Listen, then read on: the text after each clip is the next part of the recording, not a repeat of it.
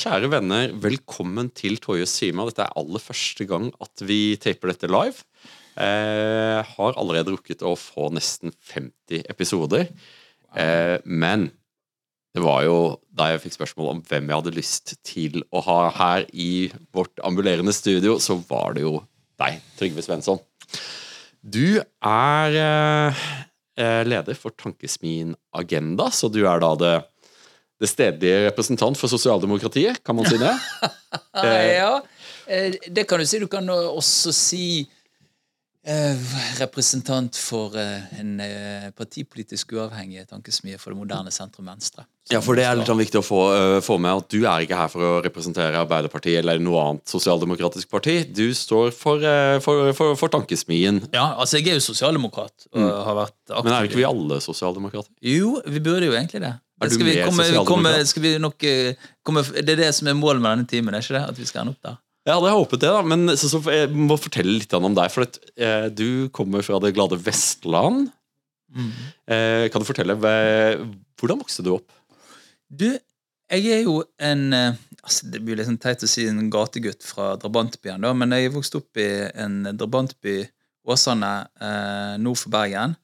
Eh, og så er jo jeg, har jeg vært ganske heldig, på en måte. Jeg endte opp med doktorgrad og god jobb i hovedstaden og hele pakken. Mm -hmm. eh, men, eh, men, jeg har jo flere Jeg har mange flere venner som er døde av overdose, enn som har doktorgrad.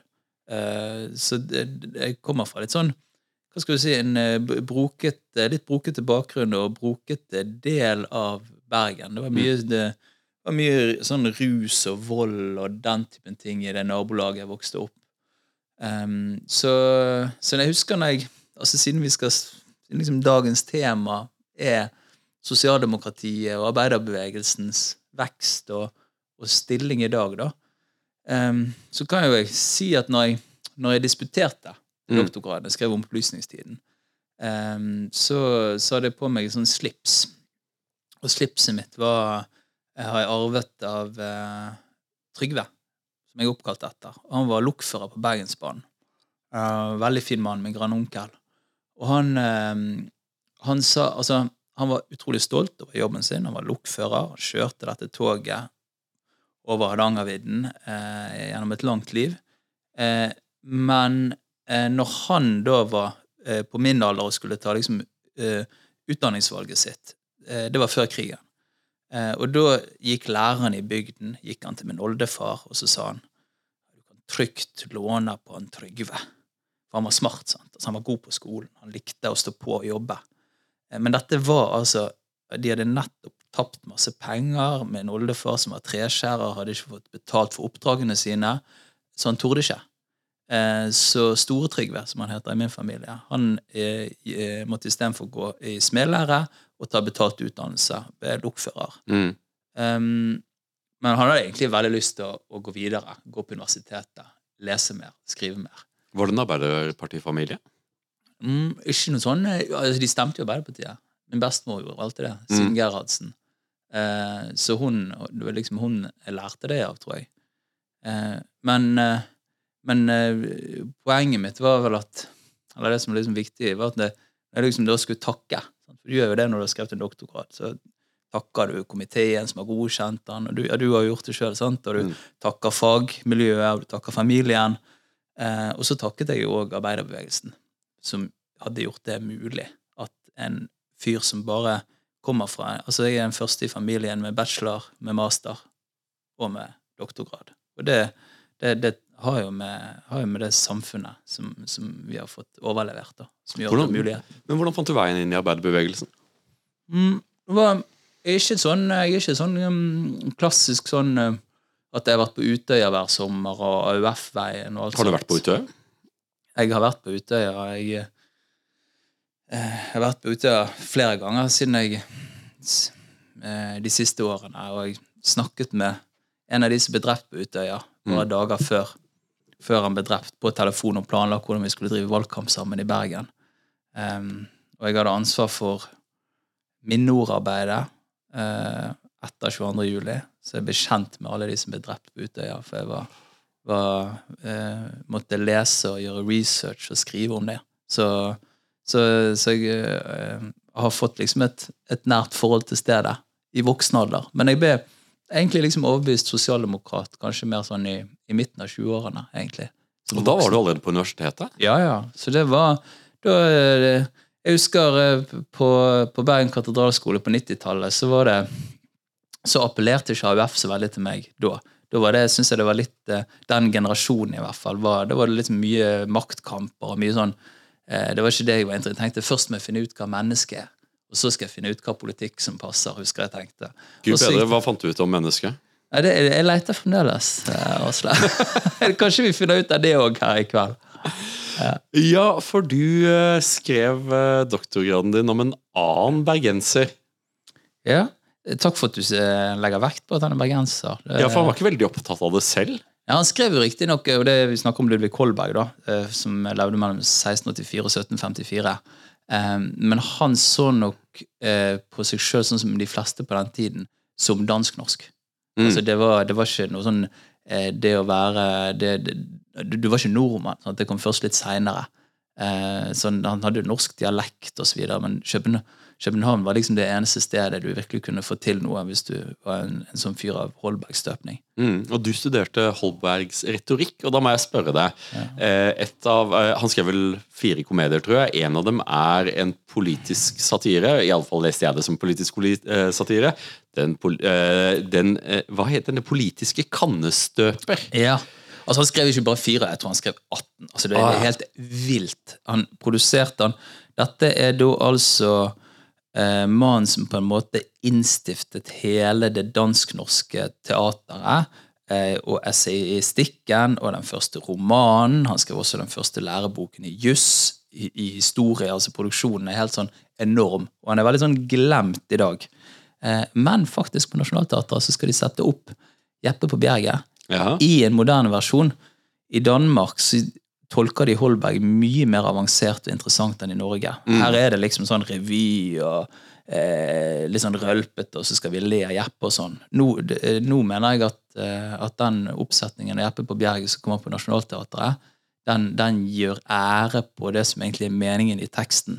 Altså Vi snakker om en traumatisert krigsveteran. Mm. Jeppe har PTSD. Og hvis du leser teksten, så ser du det ganske tydelig. Han gjenopplever slag der kameratene hans blir slaktet. Mm. Og så kommer han tilbake, og så lever han i et sykt brutalt klassesamfunn. Og så lurer vi på hvorfor han drikker. Så, sånn sett er det en sånn tidlig interessant inngang til rusdebatten. Og jeg, jeg håper eh, alene, og jeg, jeg skal være litt med, jeg skal lede en debatt etter den forestillingen. Og det er drømmen min er jo egentlig at vi også skal sette opp den politiske kandestøper i en modernisert versjon i Norge. Det har ikke vært gjort siden 80-tallet. Nei, for, den, eh, for det skuespillet handler jo om eh, allmuepolitikere og profesjonelle politikere. Ja. Og der kommer vi vel kanskje over på én tenkelig forklaring på hvorfor eh, Det kongelige norske Arbeiderparti nå i seks måneder har ligget under 20% på meningsmålingene. Og Mm. jeg, jeg, jeg, jeg, jeg satt jo i Nobelkomiteen sammen med eh, Torbjørn Jagland, så vi tok en kopp kaffe her om dagen. Og det var jo sånn at vi, vi begge to flirte litt, Janne, for han eh, det Alle husker jo 36,9, ikke sant?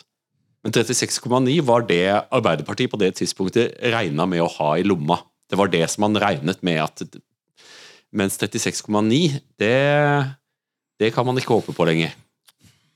Men ja, altså, det er jo litt sprøtt å tenke på, siden jeg er sosialdemokrat og har jobbet i Arbeiderpartiet og har skrevet masse om den politiske kandestøper, men jeg har aldri laget en sånn direkte analyse mellom de to tingene. Men jeg, jeg kan prøve sånn på direkten å reflektere rundt om det. Gjør det. Skal jeg prøve det? Ok, det er i så fall eh, Det, det, det, det er litt sånn um, kaste seg ut på glattisen. Men ok, jeg skal si først bare hvorfor er Den politiske kandestøper et interessant, en interessant komedie. Det er fordi eh, For det første, det var det første teaterstykket som ble satt opp i, i, i vårt samfunn. Altså Det starta på en måte hele teatret, både i Danmark og Norge. Eh, det ble satt opp på et teater som heter Lille Grønne Teater, Grønnegate Teater eh, i 1724. Eh, rett bortenfor så eh, Rett før, eh, året før, så var det en nordmann, faktisk, Pavel Juel. Han hadde sagt noe som fornærmet den danske kongen. dansk-norske kongen. Da eh, var det fire hester som dro han i fire biter. Eh, og så stilte de alle kroppsdelene hans ut til utstilling til skrekk og advarsel for han hadde begått majestetsfornærmelse. Mm. Og det er konteksten der Holberg sitter seg ned og skal skrive en komedie om at vanlige folk deltar i politisk debatt. Og så, for de som kjenner, Det, det er ikke sikkert alle kjenner den politiske kannestøppa lenger. for det er jo ikke, Jeg tror svært få gjør det, egentlig. ja, sant? Det, det er en komedie som handler om at eh, Herman von Bremen, som han heter, sitter liksom på et kaffehus, og det, det, er innstiftingen av opplysningstiden. Nå, nå sitter vi jo i Drammen bibliotek. Dette er jo egentlig en slags sånn arven etter eh, Kan vi si det? Vi kan jo på en måte si i hvert fall delvis. altså Biblioteker er jo eldre, men de europeiske kaffehusene var jo sånn at der møttes folk, de leste aviser, utvekslet nyheter, og sånn begynner dette utrolige opplysningsprosjektet som gjør at vi ender opp med Europa eh, sånn som vi kjenner det, med demokrati, ytringsfrihet, alle de liberale ideene, alle disse tingene. Det starter jo der i disse kaffehusene. Altså, bare for å skyte inn, jeg, folk vet kanskje dette, men sant, på dette tidspunktet så får vi jo da det, det Norske Selskap, som jo er en drikkeklubb for norske studenter. Og gud bedre av mange, hvor mange av de som Er du med der, forresten? Jeg er med i Det Norske selskapet. Selskap. du. Ja, ja, ja. selvfølgelig. Jeg er med- du invitere meg en gang. Jeg har lyst til å gå, til å der og se. Vi har i Norge en av, eh, en av verdens aller eldste gentleman club, og, som ligger rett bak Stortinget, som heter Det Norske Selskap. Og det ble innstiftet i København. Og de folkene som, eh, som, som drakk med Madame Juel i, eh, på Det Norske Selskap, var veldig mange av de ble Eidsvoll-mennene. Og ble toneangivende for det som ble det norske prosjekt. Så man skal ikke se helt bort fra at den type kafépirat kan ha en effekt. Enorm effekt, og hele teorien til Habermas som den borgerlige offentligheten oppstår jo i disse kaffehusene.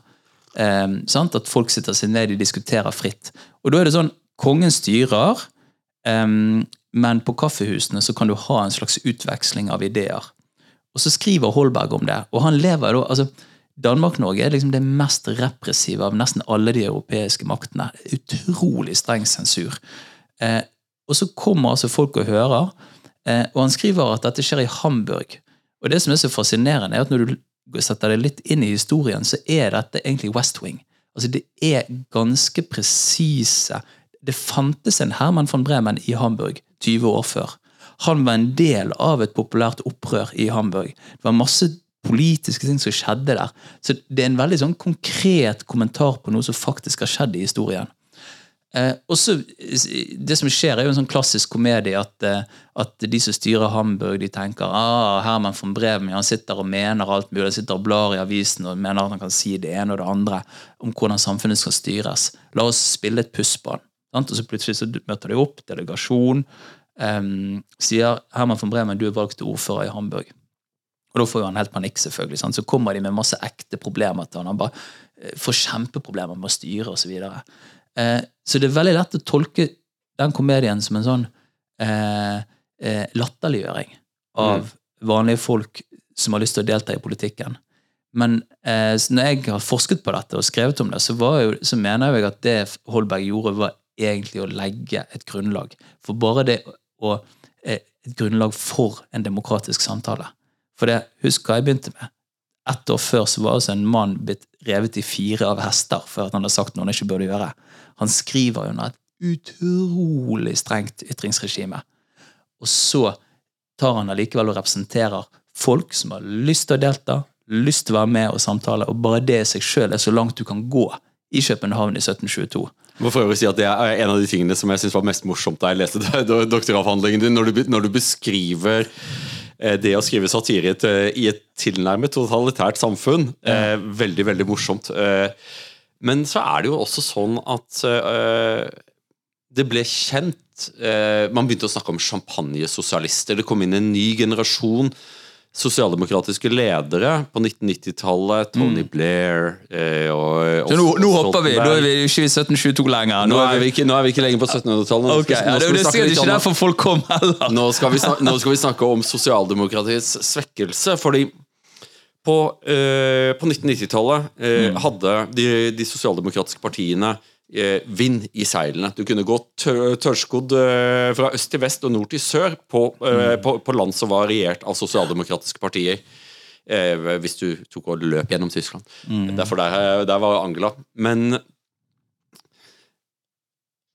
så setter det inn en stor svekkelse for de sosialdemokratiske partiene i Norge. Og, og Arbeiderpartiet er på ingen måte et av de partiene som kommer verst ut. Den tittelen må vel kanskje gis til det franske sosialistpartiet, som går fra å være et, et, et statsførende parti til å bli en lilleputt. Eh, det samme skjer i, i, Nederland, det samme skjer i noen grad i Italia, hvor man, hvor man faller også godt under 20% Og spørsmålet mitt til mm. deg, og gjerne, gjerne, så spiss som det du kan, mm. hvordan ser du sosialdemokratenes svekkelse i Europa? Hva er grunnen til at man har mistet grepet på velgerne etter å ha vært så viktige i så mange år? Ja, altså det er i hvert fall det, altså det er i hvert fall et veldig viktig poeng at den europeiske For det, det, er lett å si det, det, er et lett, det er ofte noe jeg ofte hører som svar på ja, hvorfor gjør Arbeiderpartiet det dårlig. Eh, jo, det er en sånn europeisk trend. Mm, det er noe mm. som vi har skjedd, sett i alle land. Det er drikkevannet, liksom. Ja, men, men det, altså, den politiske utviklingen i Europa er jo ekstremt mye mer alvorlig enn den vi har i Norge. Jeg syns det er masse alvorlige trekk med Norge òg, men der har jo du en partifragmentering som skremmer vettet av meg. Mm. Um, når, altså det siste valget Du ser valgene i altså i hele Øst-Europa så er det jo omtrent ikke et, vest, et venstresideparti representert. Eh, I Italia så har du liksom Italias brødre, direkte avtakere etter Mussolini. ikke sant? Mm. Og, eh, og, og femstjernebevegelsen, som heller liksom ikke er en seriøs politisk bevegelse. Så du har veldig, veldig mange eh, ganske sånn dystre politiske utviklinger. da. Um, synes, altså Du har jo skrevet bra om det. Um, en bok som som har gjort inntrykk på meg òg, Tarjei Skirbekk eh, sin bok eh, 'De moderate folkepartienes fall'. Eh, som, som jeg syns er en veldig sindig og god analyse. Samtidig som at ofte sosialdemokrater, og det har jeg kritisert han for også Ofte så, når sosialdemokrater skal forklare sosialdemokratenes svekkelse, så er det alltid noen andres skyld. Han begynte, altså han begynte jo først med sosialdemokratene. Hvorfor gjør sosialdemokratene dårlig? Og så så han ja, men ok, hva er det som har formet det moderne Europa etter, eh, i etterkrigstiden? Jo, det er både sentrum-høyrepartier og sentrum-venstrepartier. Og så observerer han jo at begge er på mange måter i en form for krise. Og så er jo Tarjei best når han skriver om hvorfor det er alvorlig. da, eh, mm. Fordi at um, hvis du har et bredt folkeparti Enten det er det CDU i Tyskland eller SPD eller et sånt bredt sosialdemokratisk folkeparti, så har du evnen til å ta dype konflikter i samfunnet og løse de. Altså, Den typen partier har en annen konfliktløsende egenskap enn hvis du har en partiflora med 10-12-14 partier som snakker scenariet, ja. nettopp. sant? Um, og det tror jeg han har veldig rett i. da, og Det er derfor jeg er uh, oppriktig bekymret på det. Det er litt sånn Leonard Cohen. sant? You won't like what comes after America. Du vil, altså det, det, um, det er noe med Og det, det, tror jeg gjelder litt det norske Arbeiderpartiet òg. Altså, at, eh, at uh, jeg vil jo selvfølgelig forsvare det å være medlem til jeg dør og stemme, stemme det resten av livet. Uh, men, men, jeg tror det er òg Jeg tror vi mister noe viktig i Norge hvis du ikke har dette breie partiet som er i stand til å samle folk fra alle slags lag av samfunnet til brytning. da. 90-tallet, eh, som du nevnte, Um, Arbeiderpartiet i Bergen da, uh, for eksempel, var jo, der var det sånne skikkelig sånne brytninger mellom det som kaltes Folkets Hus-partilaget, som var fagbevegelsen, Fellesforbundet, mm. industrifolken som gikk opp og sa sånn ja, hvis du ikke har et skitt under nevene, så har du ingenting å si her, osv. Og, og så var det Universitetslaget, som også var en ekte maktfaktor i det arbeidet, som, med masse folk som er akademikerbakgrunn osv. Det er jo det som er på en måte Eh, og det er jo sånn jeg har opplevd Arbeiderpartiet også på sitt beste. Det er jo at du kommer på møter, og så er det en eiendomsmegler og en lærer og en, eh, en fagarbeider og en eh, trygdet og osv. Altså, det er nettopp denne blandingen av mange forskjellige folk. Ja, men det er mange forskjellige folk, men sånn som Arbeiderpartiet eh, Jeg må jo si som en fan av politikk. Og enhver person som er fan av politikk, er fan av Arbeiderpartiet. Ikke, ikke, ikke nødvendigvis av politikken partiet fører. Men å følge det, liksom? Nei, men som, en, som organisasjon. Mm. Det er en grunn til at man kalte Arbeiderpartiet ørnen blant partiene, pga. at partiorganisasjonen var bare mye bedre. Det var nesten urettferdig å gå til valg mot Arbeiderpartiet pga. at man kunne mobilisere på en måte som, det, som var vanskelig for andre partier. Men hva vil du si til dette? At Demokratiet er en uh, måte å styre seg selv på, der partier som klarer å svare på velgernes preferanser og tidens krav, vil få oppslutning, og partier mm. som ikke klarer det, vil ikke få oppslutning. Jo, og det er jo uh, Det er jeg enig med, da. Og, hvis det er det som på en måte Hvis det er det som skjer, så er jo det det som skjer. Men jeg, jeg har nå mine år her på jorden, og jeg kommer til å fortsette å argumentere for sosialdemokratiet er en god løsning, da. Og så, jeg vet, og det er òg litt sånn eh, For at denne fortellingen, og det vi òg i Agenda vi har jo et forlag som heter Respublika. Vi har liksom gitt ut som bøker om sosialdemokratiets tjukke bøker har vi gitt ut om sosialdemokratiets fall i Europa osv.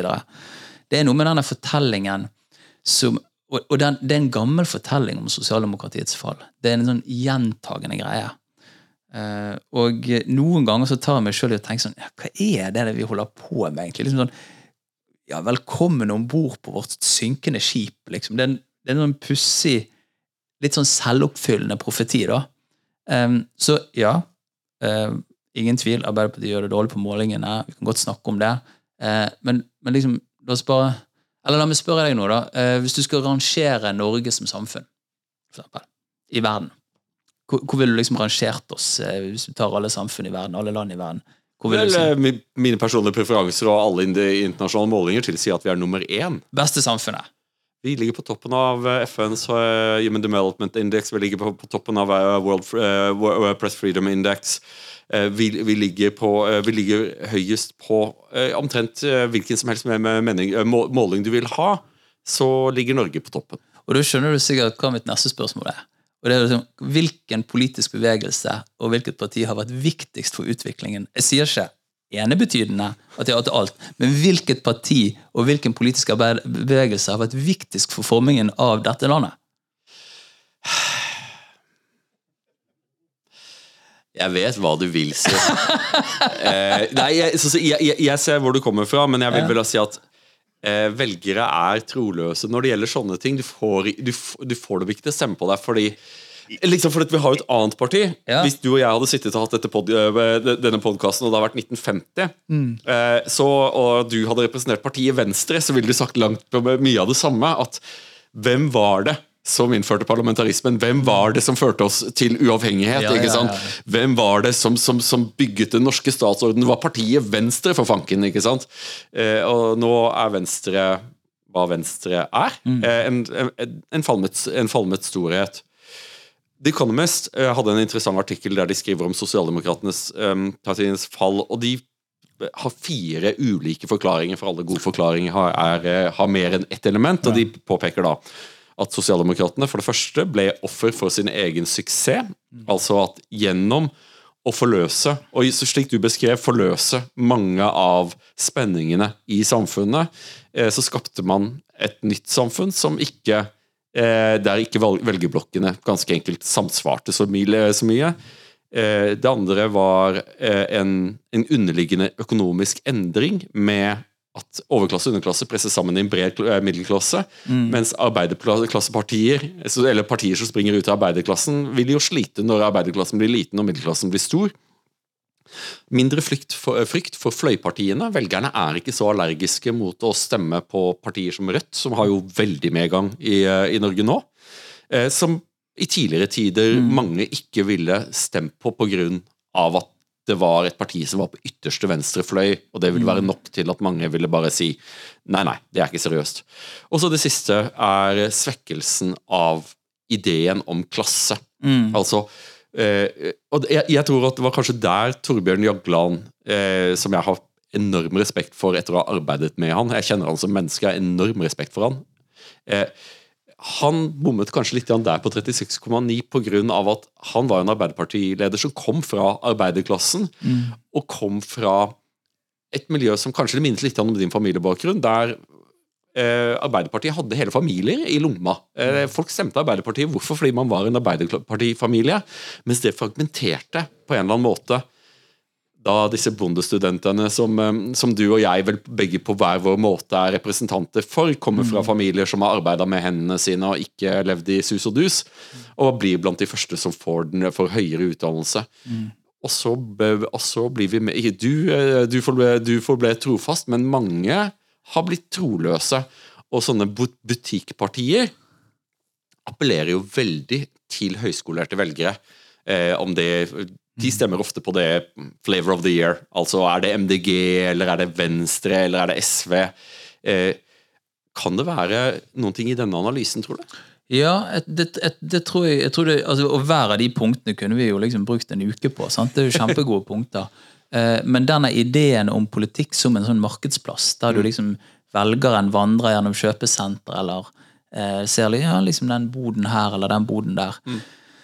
Um, det er veldig interessant å spørre seg selv hvor kommer den fra. Hvor oppstår den fra? Er det, er det et resultat av hvordan offentligheten vår fungerer nå? Er, det bare et, liksom, er vi i den fasen av den historiske utviklingen til menneskeheten? Men jeg syns jo den, det er en litt sånn skummel idé, på en måte. Den har selvfølgelig sine fordeler, for det betyr at altså Litt sånn som ytringsfrihet. For at du, du har en fri utveksling, da, og så kanskje du kommer til, eh, til de beste løsningene.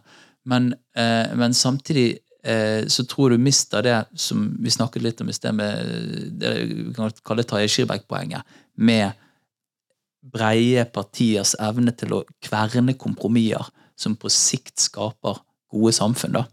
Ja, for jeg, og der er jeg veldig enig med, eh, med Tarjei. At en av de tingene som, som uroer meg, i likhet med deg, er fragmenteringen av partisystemene i europeiske land, som skaper demokratier som ikke er i stand til å generere styringsdyktige regjeringer, altså beslutningsdyktige regjeringer. De kan forvalte, men de kan ikke ta veivalg. Det parlamentariske grunnlaget er ikke der, ganske enkelt. Og Resultatet blir at, eh, at samfunnet blir rorløst mm. eh, og må bare flyte av gårde i den retning som, som, som trendene, trendene, og økonomien fører dem. Ja. Ok, men da, for det, det, er en bra anledning til Da må jeg bare få disse disclaimerne mine ut av kroppen. Sånn at jeg kan snakke litt videre. Har du disclaimer? For, ja, ja, eller liksom sånne mothistorier, eller hva vi skal kalle det. da fordi, ja, eh, selvfølgelig alle som leser meningsmålingene, ser jo at det går skikkelig dårlig for, eh, eh for, det, for mitt parti. da eller det partiet som jeg kommer til å stemme på. Men, um, men liksom noen Jeg tror, jeg syns fremdeles vi har styringsdyktighet i Norge. Vi er et land Norge er fremdeles ja. styringsdyktig, men det har mye å gjøre med den politiske kulturen i Norge, som er eh, Vi har enn så lenge. Eh, men vi ser jo det at når man begynner å få sånne sorte svaner, da eh, mm. For det, i et, et politisk system ute av balanse så kan er det ganske kort vei fra en person mm. eh, har en idé og har litt karisma og godt tekke, eh, til, til, å bli, ha tosifra oppslutning. Samtidig som at de ikke har Som blir litt av den politiske kannestøper. Altså at ja. De har sittet på kafeen og hatt masse meninger om det, men er helt uvant med den politiske kulturen som finnes i, i moderne demokratier, der du må strukturere preferansene dine, og du må tenke at av og til så stemmer du på ting som ikke er mm. helt sånn som du hadde håpet, men du ser at det er nødvendig for landet at vi, at vi kommer til enighet om dette. Strømforliket var et eksempel eh, på det. Migrasjonsforliket var et eksempel på det. Men det er ganske få land som er i stand til å generere brede eh, tverrpolitiske kompromisser om vanskelige saker. Ja, det er jo altså det er liksom Trump kan kan, Det har vi i hvert fall ikke kommet dit i Norge at det kunne skjedd. ikke sant? Altså det det, jeg håper virkelig ikke vi kommer dit. Og det, det har litt med den altså Både med partisystemet vårt og samfunnsmodellen osv. Eh, men det er jo, altså verdens eldste demokrati har jo et sånt system. Kan gå fra Obama til Trump. Det er jo helt utrolig.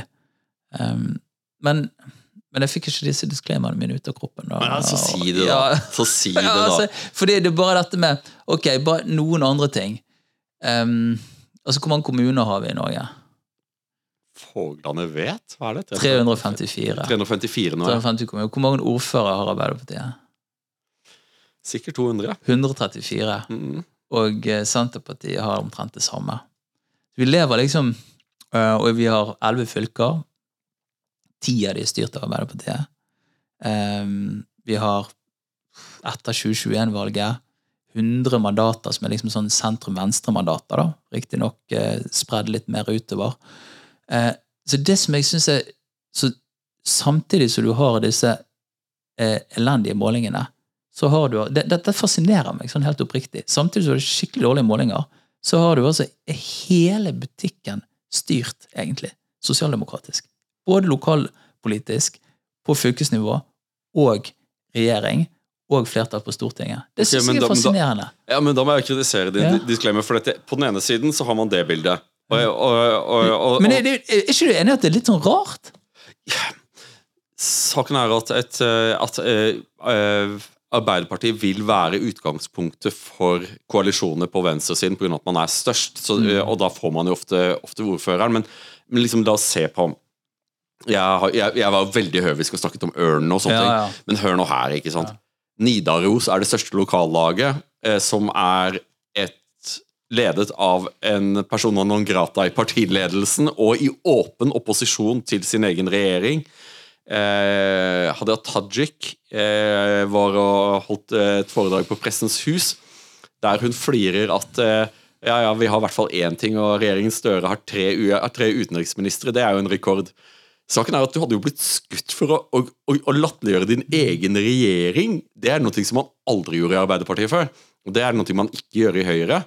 Eh, og det er liksom sånn som i, i Fremskrittspartiet, som jeg kjenner, så er det sånn Du snakker ikke stygt om Sylvi. Det gjør du fanken ikke. Eh, og det, eh, mens Arbeiderpartiet, så er det jo nesten Det er mye uro i Røsla nå. Uro rundt Jonas Gahr Støre, som synes som å være under kontinu kontinuerlig angrep. Og det er litt sånn underlig, på grunn av at eh, man kan si mye om, eh, eh, om statsminister Støre, men noen Trump-skikkelse er han ikke. Eh, og, han er, og han er jo ikke en fyr som er ute og oppsøker kontroverser, snarere tvert imot. Men fanken døtte så liksom, det, øh, Den siste kontroversen, jeg må nesten spørre deg. Liker du slagordet 'for folk flest'? Eller vanlige folks tur, mener du? Nei, unnskyld! Det var, det var Ja, ja, FrP. ja, ja, ja. Vanlige folks tur var det. Unnskyld. Ja, det jeg, jeg syns det var et utrolig smart slagord. Uh, og det, vi må huske litt på konteksten det oppsto i. Uh, og da skal jeg bare snike inn min siste disclaimer, og så kan vi bare ta alt. Altså det, og det gjelder jo òg dette med oppslutning med valg, da. Mm. Sant? For det også, og det, Jeg har ikke gjort en sånn komparativ analyse, men når jeg sjekket sist, så ble Arbeiderpartiet størst ved eh, valget i 1930. Og så har det vært valg annet hvert år i Norge siden, med et lite opphold eh, fra 40 til 45. Mm. Og Arbeiderpartiet har vært størst ved alle de valgene. Det er jo en helt sånn spesiell ting i verdenshistorien. Men, Faktisk. men nå er det Og så får vi se nå, da. Det blir jo interessant. Men det er, det, er- det, er- det er faktisk eh, realiteten. Og det òg syns jeg eh, er litt spesielt og fascinerende. Um, Men, så- men, men du, er, du, er, du er litt i denial her, at Ja. eh, liksom, vi har et Høyre som var på snuset snuse på 30-tallet. ja, ja. Det, det er gjort før, da. Det, det er ikke noe nytt. Nei, men, Ja. men det er ganske sjelden at bølgedalen er så lang, og at de negative sakene bare stabler seg oppå hverandre. Absolutt. Og grunnen til at jeg liker vanlige folks tur, det var jo for at der var jo òg utgangspunktet. Utgangspunktet var vel i januar 2021, så var Arbeiderpartiet det tredje største partiet på målingene. Både Høyre og Senterpartiet var altså større. Målte på 17% Altså sånn er så hva det heter fra liksom aksjetermen, så volatilt er jo det bitt i det politiske nå. sant? Bare det hadde jo vært grunn til sjokk. og altså I Torbjørn Jaglands tid så ville man fått fullstendig eh, panikk av sånne tall. Eh, Jens Stoltenberg målte jo riktignok på 12% på et tidspunkt, sant? etter fadesen i 2001. Det var da han skulle forsøke å lære New Labour. Ja. Ja, nettopp. Sant? Så, så, så det, det, er ikke, det, det er ikke sånn første gang at, at velgerne har gitt en veldig kraftig beskjed. Men da eh, begynte eh, Da ble den da oppstod, ble det slagordet veldig tydeliggjort. Det, det var egentlig vedtatt, sånn som jeg har forstått det, på et sentralstyre tidligere, men da liksom satset de og fikk en veldig enhetlig kommunikasjon rundt dette begrepet. ok, vanlige folks tur.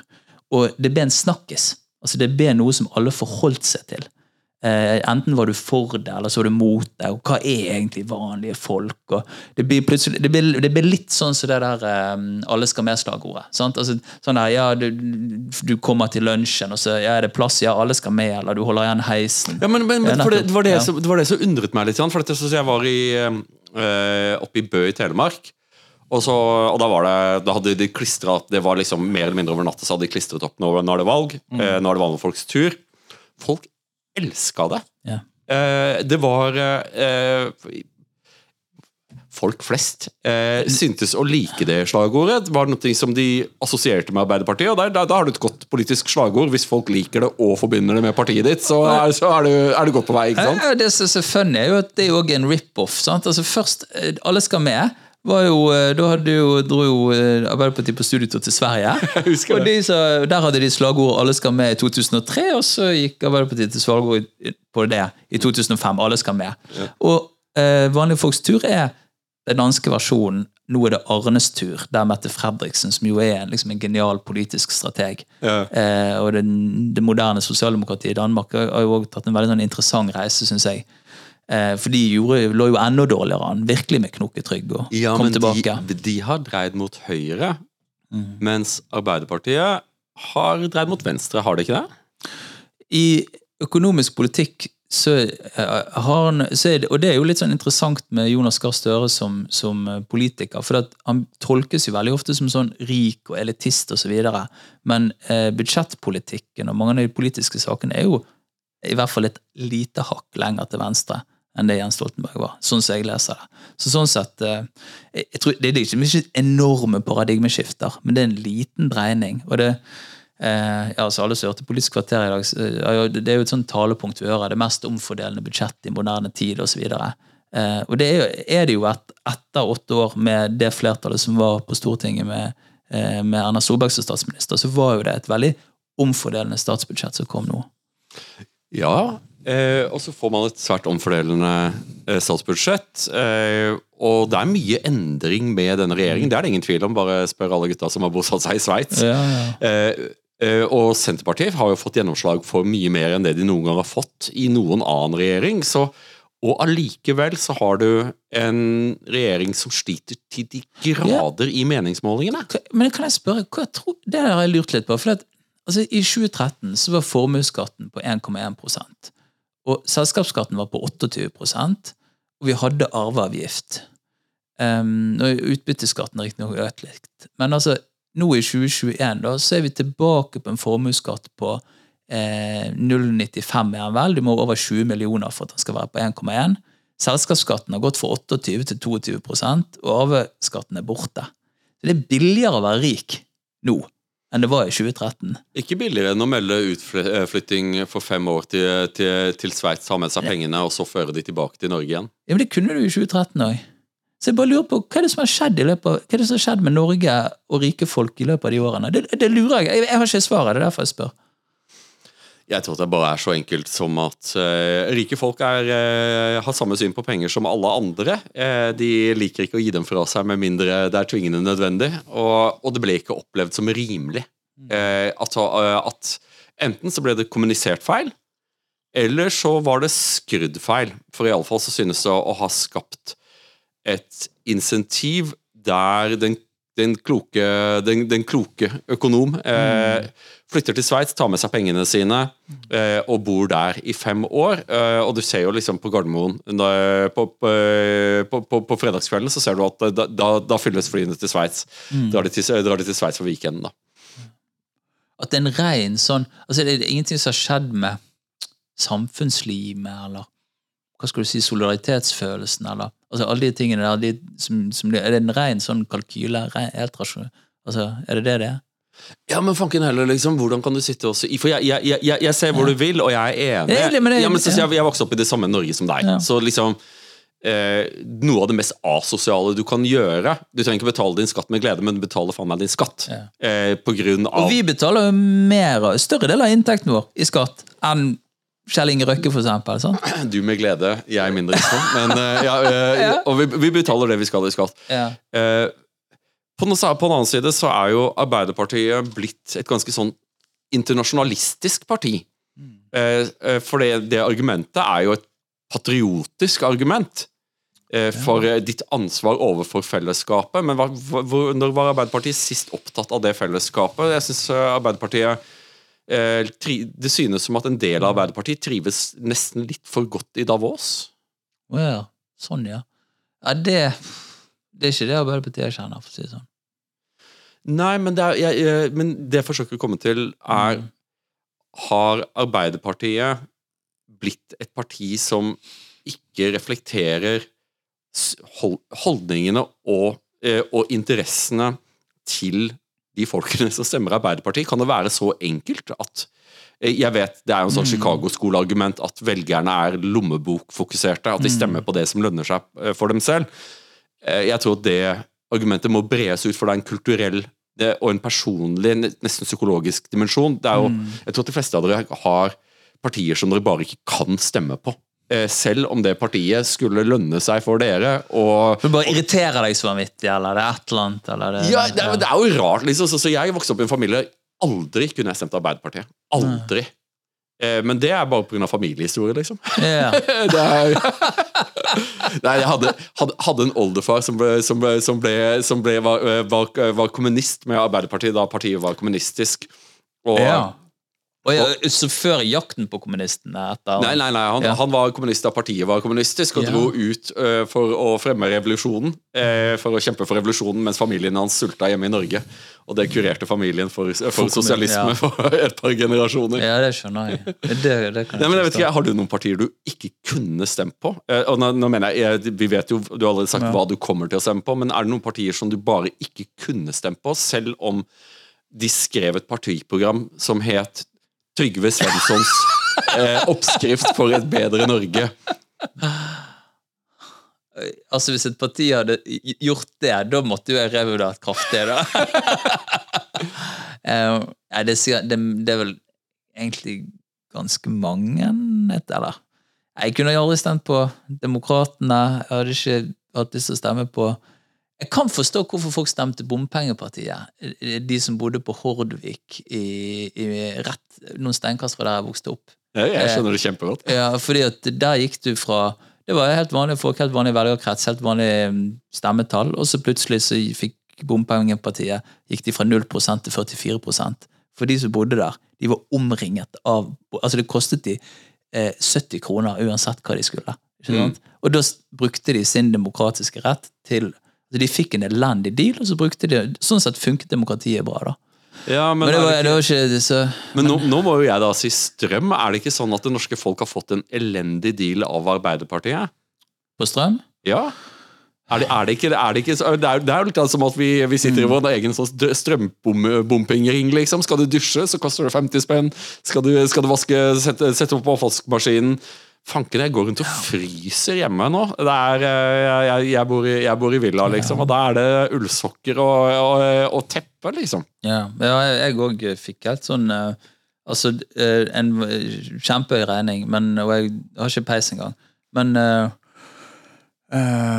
Men der, der er jeg nok Altså, min analyse der er litt sånn at man måste jamføre, altså. altså det, men, men, og, og, det, og det er ikke for liksom, å underkjenne at strøm og energi har en helt spesiell posisjon i det norske samfunnet og i, i liksom vår selvforståelse. Ikke sant? Vi er utrolig stolt over at vi har bygget landet. Og det, altså, Arbeiderpartiet som vi snakker om, hadde jo, eh, hadde jo liksom høyspentmaster og kraftstasjoner på valgplakatene sine på Jeg vet! 50-tallet.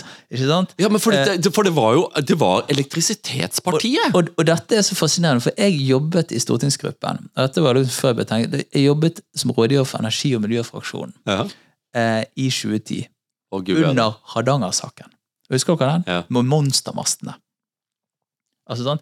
Og det, det var Jeg husker jeg gjorde, og så etterpå så eh, dro jeg tilbake til akademia og forsket, og da så jeg litt på den saken. Og det var den fjerde største mediesaken i Norge eh, det året i 2010. Og det var folk som var intenst imot at du skulle bygge kraftledninger i Hardanger. Egentlig morsomt. Jeg har faktisk ikke tenkt på koblingen mellom strømprisdebatten og den saken.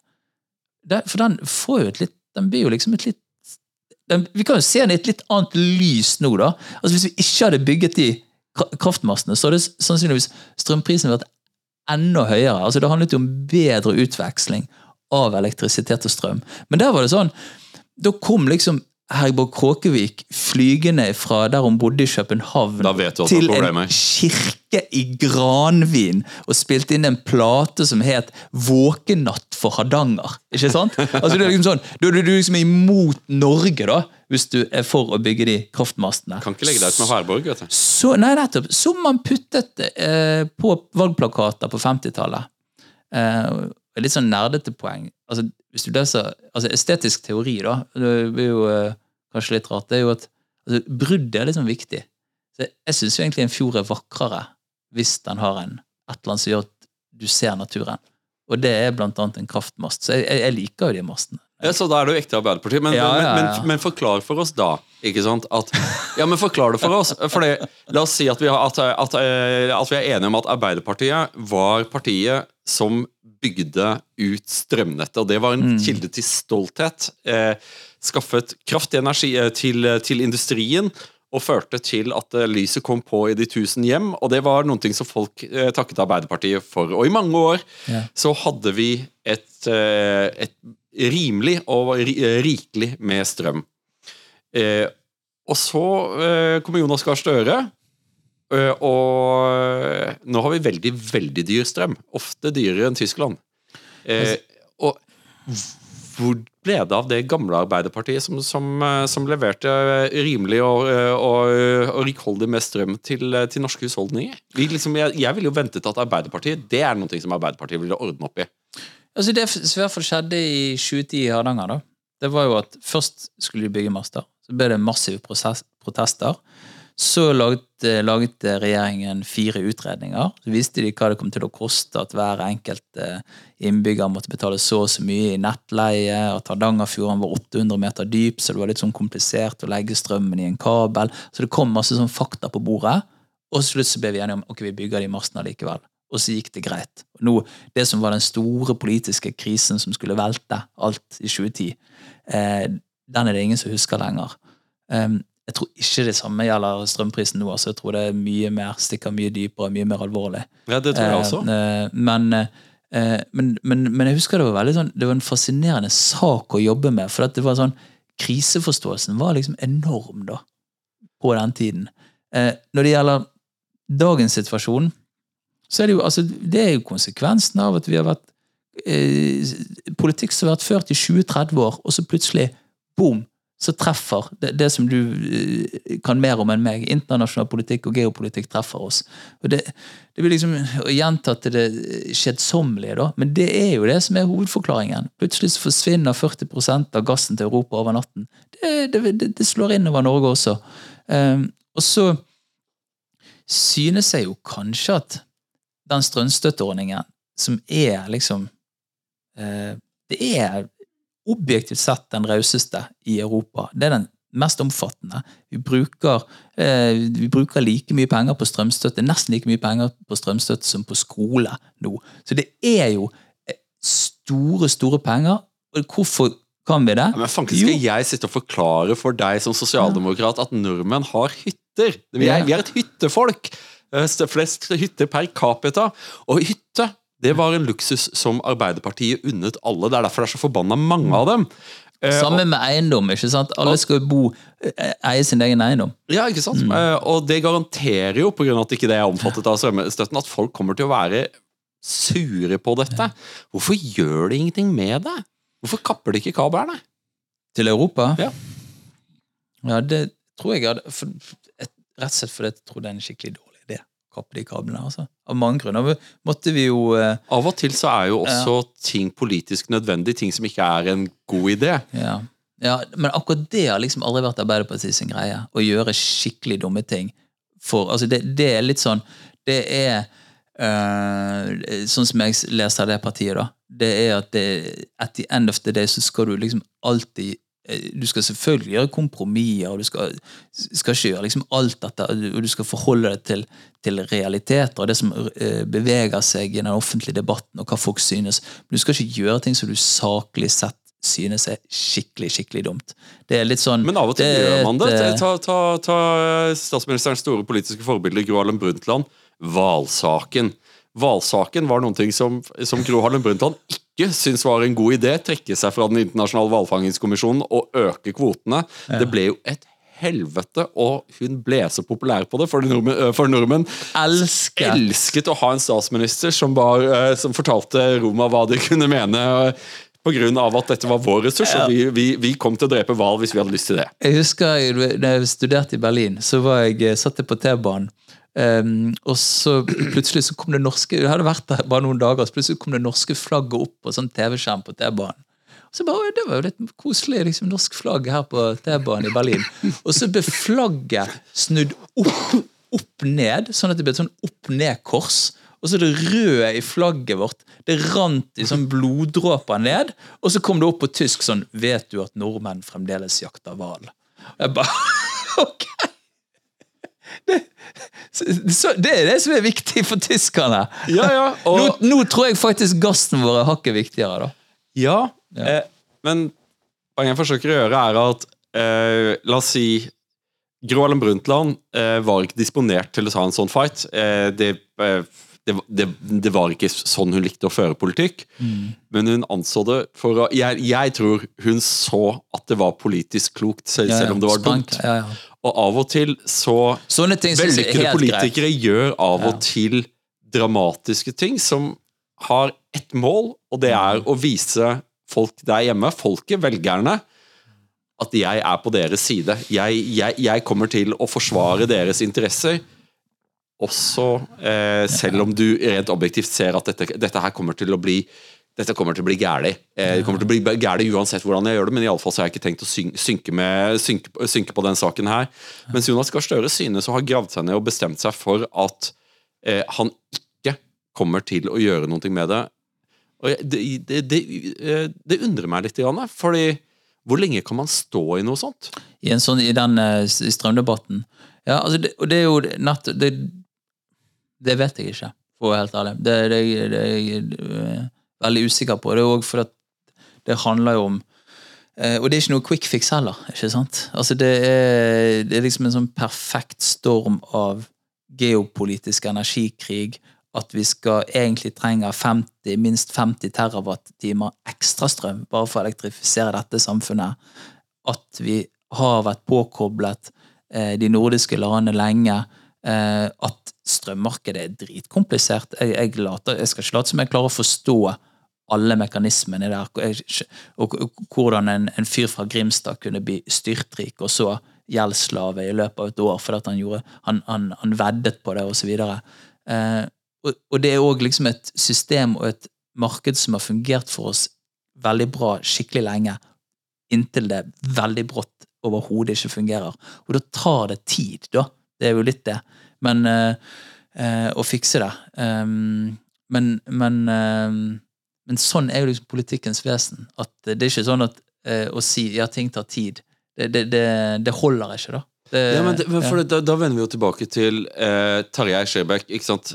Eh, når han skriver om eh, de sosialdemokratiske folkepartienes fall, så er jo eh, en av hans lavmælte forslag er at man trenger mer populisme. Altså, altså at De sosialdemokratiske partiene ble så vant til å styre og hadde så kompetanse på det at man glemte litt at opinionen er faktisk ganske viktig i demokratiet.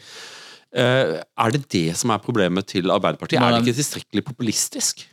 kunne i hvert fall, jeg tror, øh, flere øh, progressive velferdsreformer. Altså mer Jeg tror og det, altså, For de som ikke har lest boken, så sier han jo litt det at, at eh, da de moderate styringspartiene for å beholde makten må bli mer eh, populistiske, en måte å si det på, eller mer progressive. ikke sant? Mer eh, eksempel i møte med migrasjon så må du ta kraftigere grep. I, eh, i, i, f- eh, møte med en ulikhet som er eksplodert, så må du drive enda kraftigere omfordelingspolitikk.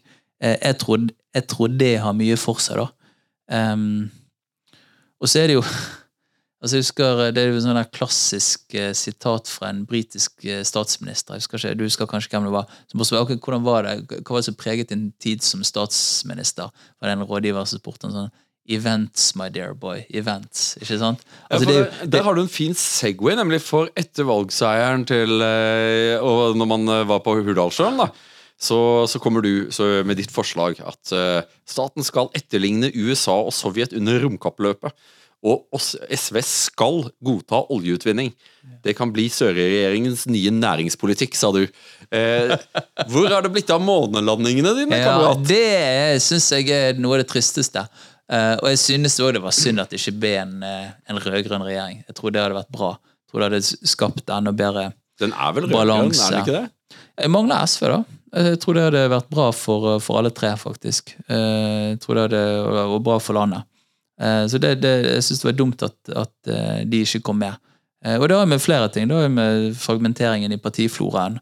At, eh, at de hva skal du si, radikale, urbane velgerne, da, for det er jo det det i realiteten var, eh, som sannsynligvis liksom tenkte at eh, eh, tenkte ja, men jeg, jeg er smart politisk, ikke sant? Eh, men splittet stemmene på tre ulike partier, MDG, Rødt og SV, eh, og fikk dermed veldig lite ut Altså Du snakker om nesten 15% av velgerne som fikk skikkelig dårlig uttelling for stemmene sine. Sant? Mens de som stemte Senterpartiet, fikk ufattelig mye mer uttelling for stemmene sine. Så det, jeg, syns, jeg, jeg, jeg syns det er dumt, men, eh, men det Ok, vi, lever, vi har det systemet vi har, vi har parlamentarisme. SV har en nøkkelrolle. De er mest spennende partiet for de politiske journalistene osv. Så, videre. Mm. så, så, så det går greit, da. Men, men jeg tror det hadde vært bedre for landet og for, for liksom balansen med et rød-grønt eh, rød-grønn regjering.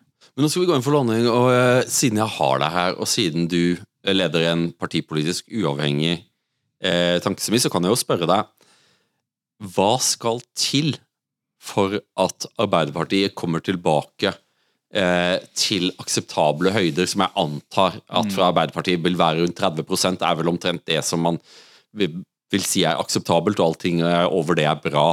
Mm. Hva skal til? Trenger partiet en ny leder? For det er jo det, det, er jo det, det, er jo det vonde spørsmålet her.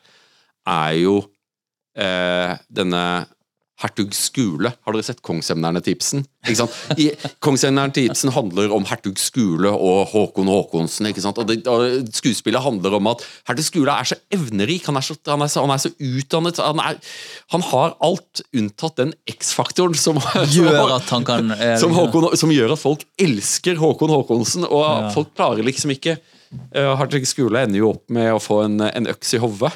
Eh, er, det- er problemet Jonas? Nei, det tror jeg ikke. Uh, uh, det som jeg husker Jeg husker Raymond Johansen sa en gang uh, i en eller annen samtale om, om Arbeiderpartiet, er jo dette partiet som vi har til låns, sa han. Altså Mm. det han snakket, Når han var partisekretær, så snakket han mye. Og det er jo liksom det viktige å huske med alle som er i ledelsen i Arbeiderpartiet, at de, de har bare partiet til låns. Det er ikke sånn at noen eier det. Og så, det vil alltid være så Nå er det Jonas Gahr Støre som er leder, så vil det komme nye ledere. Eh, så, uh, så eh, jeg tror ikke det. Uh, jeg, tror, jeg tror det blir uh, Men jeg tror kanskje det kommer altså Det er i hvert fall utrolig mange som snakker om at det kommer endringer i partiledelsen. At det kommer kanskje en ny nestleder inn. Ja, men det har de prøvd før, liksom. sånn. altså, spa Ja. opp et eller annet gudsord fra landet. Som man håper at på en eller annen magisk måte skal appellere til. Det har jo ikke funka. Jeg, et, altså det som i hvert fall um, det- jeg ehm, Og jeg, jeg, jeg, Altså, jeg mener mye om mangt, men pleier- det jeg liker å unngå fra Tankesmien Agenda, det er å gå veldig inn i sånn persondebatter om hvem som Jeg har ikke lyst til å mene noe om hvem som skal være den neste lederen i SV eller MDG eller noen av de partiene vi samarbeider okay, men med. gjøre- meg- det, men, men eh, rett og slett fordi det blir så, det blir så sølete. Men, men, la meg gjøre det enklere, da. Er, ja. Gå veien for Arbeiderpartiet eh, den dans, i den danske retningen, altså et sosialdemokratisk parti som er villig til å samarbeide med borgerlige partier, eh, eh, og gjør tunge eh, og vanskelige valg på sånne ting, signalsaker som innvandring.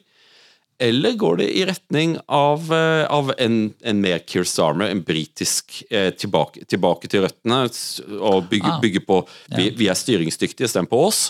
Det har ikke lykkes så bra for Sir Keir enda. Ah. Eller skal man ta partiet til venstre og kjempe med MDG og Rødt og, og SV? om de velgerne, som jo er Arbeiderparti-velgere som har migrert? Nei, jeg tror, jeg tror de har mest å lære av Danmark, av all, men mest alltid å lære av seg sjøl men mest å lære av Danmark. Eh, men du må huske Venstre i Danmark er jo det norske Senterpartiets søstersparti. Så det er egentlig ikke så stor for altså det, Så det, det, det er òg liksom et element her. Men, men eh av de liksom moderne sosialdemokratiske nordiske partiene så syns jeg det er Mette Fredriksen og på en måte kretsen rundt hun gjorde fra et parti som hadde virkelig mistet velgernes tillit, og mm. folk ikke trodde på, til å bli Eh, det som hun liksom på valgnatten sa Dan Danmarks eneste folkeparti. Og det kunne hun si med en troverdighet, for det var det suverent største partiet, og helt åpenbart at de skulle fortsette.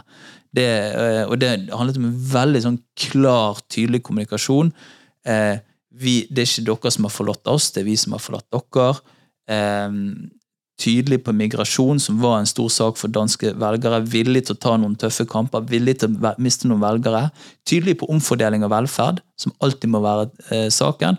Og tydelig på klima, som er litt lettere for Danmark, som ikke produserer særlig mye olje og gass. Ja. Eh, der mener jeg vi må lage en norsk løsning. da. Eh, ja, vi, vi, vet jo hva din løsning er, og det er å pumpe opp så mye olje som overhodet mulig. er det ikke det? Jeg, jeg mener at vi bør se på olje og gass som en form for makt, ja. Vi, vi er 7 promille av jordens befolkning. Vi produserer ca. 1,5-2% av jordens energi. Mm. Um, og den kan om, den, den omdannes til kapital. Og den kapitalen mener jeg vi må investere mye mer progressivt enn vi gjør nå. da. Altså Oljefondet er en fantastisk konstruksjon.